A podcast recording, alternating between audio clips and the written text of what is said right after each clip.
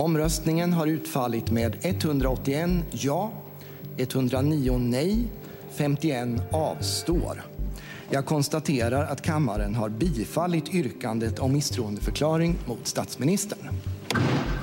Regeringen Löfven har fallit och en ny talmansrunda eller extraval väntar. Men hade en regeringskris kunnat undvikas? Politisk historia ni nu har bevittnat. För första gången så har en statsminister fällts i en misstroendeomröstning i riksdagen. På en kvart får du reda på varför det blev som det blev och hur den politiska spelplanen nu ritas om. Det är måndag den 21 juni och jag heter Erika Treijs. Här är dagens story från Svenska Dagbladet.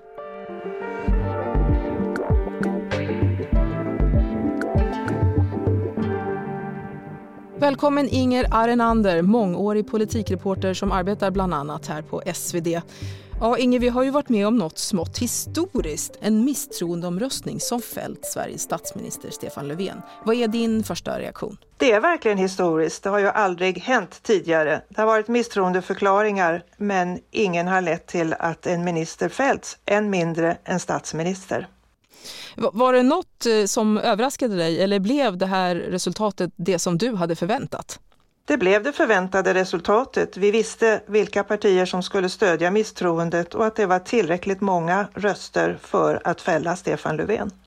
Det blev 181 ledamöter som röstade ja till misstroendet och 175 är vad som krävs. Eh, men, men Inger, hur hamnade vi här mitt i en pandemi med fotbolls-EM och eh, semestrar i antågande och nu ska Sverige hantera en regeringskris? Grunden är ju den uppgörelse som gjordes efter det senaste riksdagsvalet. En process som ju tog eh, många månader som vi minns och som ledde fram till det som heter januariavtalet, januariöverenskommelsen. Där minoritetsregeringen av socialdemokrater och miljöpartister gjorde upp med Liberalerna och Centern om en politik och sen dessutom skrev in i en klausul att Vänsterpartiet som man tänkte skulle stödja den nya regeringen Löfven då 2018 skulle vara med på det men samtidigt avstå från allt inflytande. Vänsterpartiet svalde ju den sura karamellen och sa ja till Stefan Löfven som statsminister men samtidigt så framhöll de ju där att det finns två saker vi aldrig kommer gå med på och den här hyresfrågan som diskuteras nu var en av dem. Så regeringen kom överens med två samarbetspartier om en politik som ett annat samarbetsparti inte ville ha. Och det finns ju en inbyggd konflikt som löstes ut nu. Vänsterpartiet sa nu får det vara nog, vi sväljer inte det här, nu sätter vi stopp, nu röstar vi för ett misstroende och därmed föll regeringen eftersom Vänsterpartiet var berett att löpa hela linan ut. Mm. Och vad, vad, hade eh, regeringen Löfven kunnat göra annorlunda i frågan för att liksom undvika den här krisen? Ja, det är ju eh, som vi sa förr en 10 000 kronors fråga, men det är klart att eh, regeringen Löfven verkar ju ha räknat med att Vänsterpartiet, som Vänsterpartiet har gjort historiskt och traditionellt, skulle i valet mellan två alternativ, en socialdemokratisk eh, ledd regering och en moderatledd regering som är alternativet här, alltid skulle välja en socialdemokratisk regering. Och att de då dessutom skulle vara beredda att acceptera det här som har kallats förnedringsklausulen, det vill säga de skulle stödja den här Löfvenregeringen oavsett vilken politik den förde i stort sett. Historiskt så har ju regeringen, socialdemokratisk regering, kunnat räkna med Vänsterpartiets stöd. Men här så överraskade nog Vänsterpartiets eh, stridsvilja regeringen Löfven och kanske att man inte upptäckte faran tillräckligt tidigt. Vi har ju också hört upprepat eh, senast idag av Stefan Löfven argumentet att det Vänsterpartiet sa, det var att man inte tolererade ett förslag om marknadshyror och det finns inget förslag. Därför så är man överraskad över det här. Vänsterpartiets linje är ju att vi måste göra någonting nu för att åstadkomma någonting, för att markera att vi går inte att trampa på. Ja, och, och Dadgostar, hon är ju i princip sprungen ur den här frågan med marknadshyror. Hon var ju också en av dem som drev proteströrelsen Alby är inte till salu. Så vad tror du, vad har det här betytt?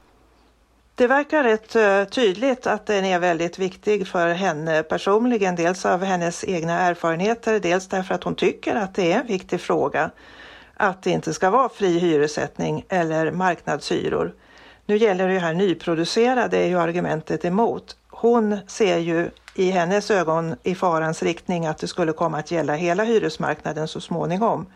Och hon säger att det här är ett systemskifte och det måste vi stoppa. Men för henne är det här en viktig politisk fråga. Det är en viktig fråga på grund av hennes personliga erfarenheter har hon förklarat många gånger. Men det är också en viktig fråga för Vänsterpartiet strategiskt också, inte bara politiskt, att markera att det går inte att handskas med oss hur som helst. Vi är också en del av underlaget till regeringen och vi ska också ha en röst här. Så det är allt det här i kombination som har fått henne att agera som hon gör. Regeringen har nu en vecka på sig. Vi kommer att samtala med våra samarbetspartier. Vi kommer i olika konstellationer naturligtvis att begrunda nu vilken väg vi ska ta. Så vad, vad säger du, blir det extraval eller kommer det att bli talmansrundor? Ja, det är ju frågan. Eh, Stefan Löfven kan sondera nu en vecka till om han på något sätt kan få ihop sitt regeringsunderlag igen. Det vill säga, kan han få med sig Centerpartiet? Kan han få med sig Vänsterpartiet? De har helt olika uppfattning i sakfrågan. Tillkommer problemet, kan han få med sig Liberalerna? Nyamko Sabuni, Liberalernas partiledare, har nyss sagt under dagen här att hon tycker nu att det så kallade januariavtalet har fallit. Hon känner sig inte bunden av det, inte ens inför en budget i höst som hon har sagt tidigare. Utan om det blir talmansrunder så kommer hon och Liberalerna nu stödja en borgerlig regering under ledning av Ulf Kristersson.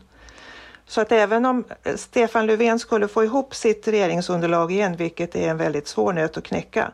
Vänsterpartiet har ju ställt ultimatum. Hyresregleringsförslaget, eh, idéerna ska bort, stryk. De har ju satt all sin prestige på det. Centerpartiet på andra sidan har ju övergett den borgerliga alliansen, satt allt på spel, inte, har inte sina kamrater där längre och hon måste samarbeta med Löfven och hon måste visa sina väljare att det här jättesteget som jag tog, det resulterade i bra politiska förslag som Centerpartiet tycker.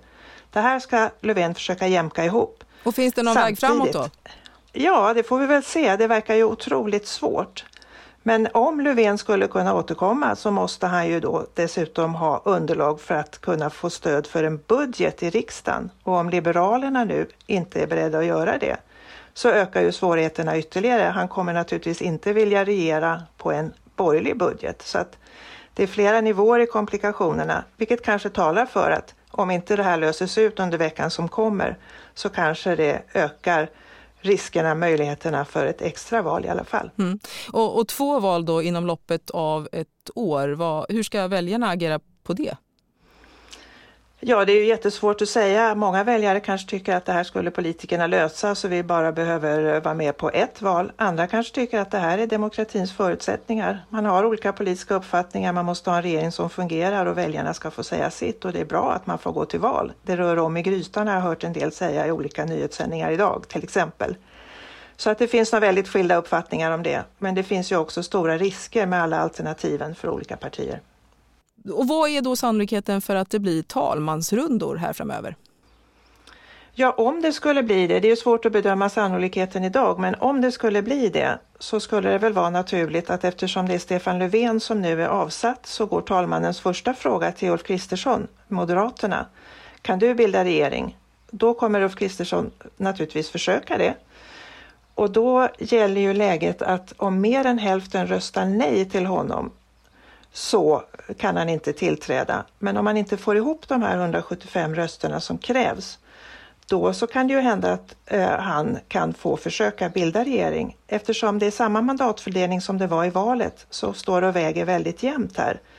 Det kan hända att Kristersson får stöd, kan hända att han inte får stöd. Och det är ju liksom en stor risk eh, om man ser både för honom och för Stefan Löfven att ta då eftersom det finns några vildar i riksdagen som kan välja olika sidor. Det finns en centerpartist som förra gången inte ville ha Löfven. Så att det är en osäkerhetsfaktor där om, om Löfven skulle ha någonting att vinna på det. Kanske skulle han ha mer att vinna på ett nyval. Och i de här förhandlingarna som nu ska då pågå mellan de tidigare samarbetspartierna så kan han ju hota med ett nyval och Liberalerna kan löpa risken att åka ur. Men på Sabuni idag lät det ju som att hon är beredd att ta den risken. Mitt besked idag är att vi i talmansrundor eller vid ett extraval, om det blir ett sådant utlyst, kommer eftersträva en borgerlig regering. Eh, du, jag tänker på talmannen också, Andreas Norlén där. Han har lovat en kortare och snabbare process än efter valet 2018. Hur, hur ska det gå till? Är det kakorna som tryter? Nej, men jag hörde honom också säga att eh, han tror att det blir så därför att eh, partierna är bättre förberedda nu. Man har andra erfarenheter och man har andra erfarenheter av samarbetet. Man kan ju säga att mandatfördelningen är detsamma men läget är ju helt förändrat. Sen förra valet så har ju då Moderaterna och Kristdemokraterna ändrat position i förhållande till samarbete med Sverigedemokraterna.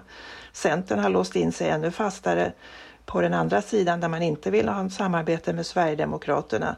Så att det, spelplanen har ju delvis förändrats så det kan ju uppstå nya lägen men mandatfördelningen är ju densamma. Och det vet ju partierna och de måste ju naturligtvis ha tänkt igenom den här situationen. Så därför tror jag att Norlén kanske har rätt i att det kommer att bli färre möten och färre kakor den här omgången om det nu blir en sån. Precis, det får, det får vi se. Men, men extraval har vi ju också nämnt där där hamnar ju, eller flera partier riskerar egentligen att hamna utanför.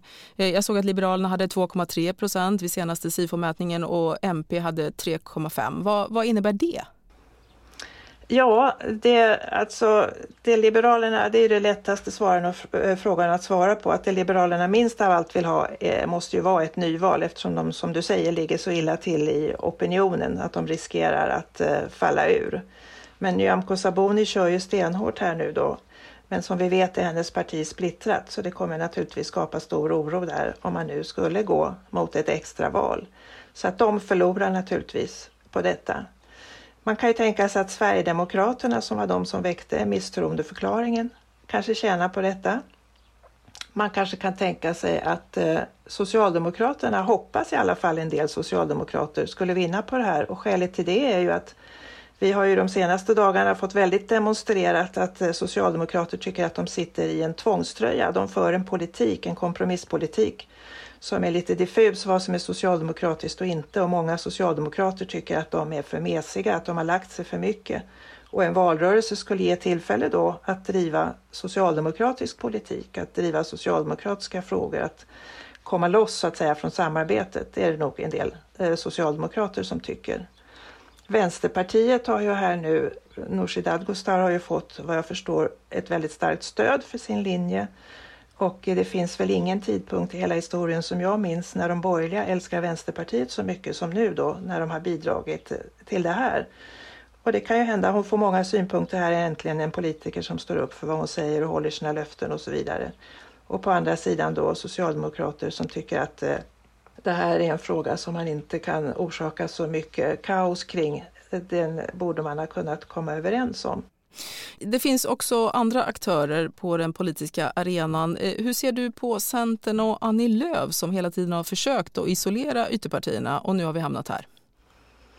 Ja, Annie Lööf själv säger ju att det här visar att eh, de har fått för stort inflytande och ska man inte ha så här stort inflytande och hon vill inte samarbeta med Vänsterpartiet och inte med Sverigedemokraterna. Men eh, om man nu tänker sig lite framåt, någon regeringskonstellation, om det nu eh, blir en förhandlad lösning med de mandat som finns nu eller efter ett extraval så kommer det ju naturligtvis för att bilda en mera stabil regering och ett regeringsunderlag som har majoritet i riksdagen tvinga fram kompromisser mellan partier som just nu kanske inte tycker att eh, man kan samarbeta. Och eh, Annie Lööf eh, har ju sagt nej till Vänsterpartiet men Vänsterpartiet har sagt ja till Annie Lööf så att säga. Nej, men sluta. Jag tycker det är så sorgligt att vi inte kan tala med varandra. Men man kan ju notera att eh, till exempel eh, Ebba Busch för Kristdemokraterna sa häromdagen att hon eh, kunde väl tänka sig att samarbeta med Vänsterpartiet och i riksdagen har ju också senaste tiden varit överenskommelser över blockgränserna så att säga. Så att man ser eh, andra konstellationer och kanske att det blir svårt att hålla på de här väldigt strikta linjerna om man ska få fram något resultat i regeringsbildningen. Tänker du att oheliga politiska allianser som decemberöverenskommelsen eller januariavtalet, är, är, de, är den här tiden förbi när vi har haft sådana? Det är omöjligt att svara på, det går ju inte. Alltså det här är ju helt och hållet rörlig materia och eh, jag tror att eh, de här heta stämningen och de hårda orden just nu omöjliggör kanske ett samarbete omedelbart så att säga. Men när det här har svalnat lite och man måste ändå forma en regering som har stöd i riksdagen och som kan styra så kommer man kanske kompromissa sig fram. Men jag tror att det blir svårt i alla fall. Den här decemberöverenskommelsen eh, har ju då i efterhand sågats av alla som gick med på den och för väljarna var den förmodligen obegriplig och svår att förklara varför man inte ville driva sin egen politik för att eh, utesluta ett annat parti, Sverigedemokraterna. Och det är nog svårt att hantera i förhållande till väljarna tror jag. Är det dags att göra om systemet i grunden och bara ha två tydliga valbara partier så vi slipper allt det här? Du ställer så svåra frågor. Det, det, ja, det fanns ju häromdagen så hade ju Olof Pettersson, statsvetare och eh, konstitutionell expert, ett förslag att Sverige kanske kunde överväga att göra som Tyskland. Som jag förstod på hans text eh, innebär att man, om man som idag oppositionspartierna eh, fäller regeringen så ska man samtidigt, oppositionspartierna, ha ett alternativ för hur landet ska styras istället så att säga. Det har ju då statsministern och hans samarbetspartier kritiserat oppositionen för här nu, att de ställer till, i deras ord, det här. De röstar ner en regering utan att ha ett gemensamt alternativ, vare sig i sakfrågan eller i regeringsfrågan. Inger, avslutningsvis, pandemi och regeringskris. Hur oroliga ska svenskarna vara? Alltså oavsett eh, vilken väg det här tar då så har ju Sverige en regering och en regering som kan fatta beslut eh, i frågor om pandemin och i krisfrågor. Så att eh, någon oro för det känner i alla fall inte jag utan de besluten kommer jag nog kunna fatta i samråd mellan partierna oavsett om det är en övergångsregering eller en sittande regering som eh, avvaktar ett nyval. Så på det sättet så tror inte jag att det är någon fara i sak. Men det är klart att det kanske sprider oro hos en del om hur det ska sluta. Mm.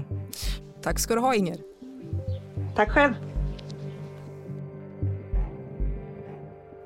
Vi som gjorde programmet idag är producent Daniel Persson Mora, redaktör Maria Jelmini och jag heter Erika Treis.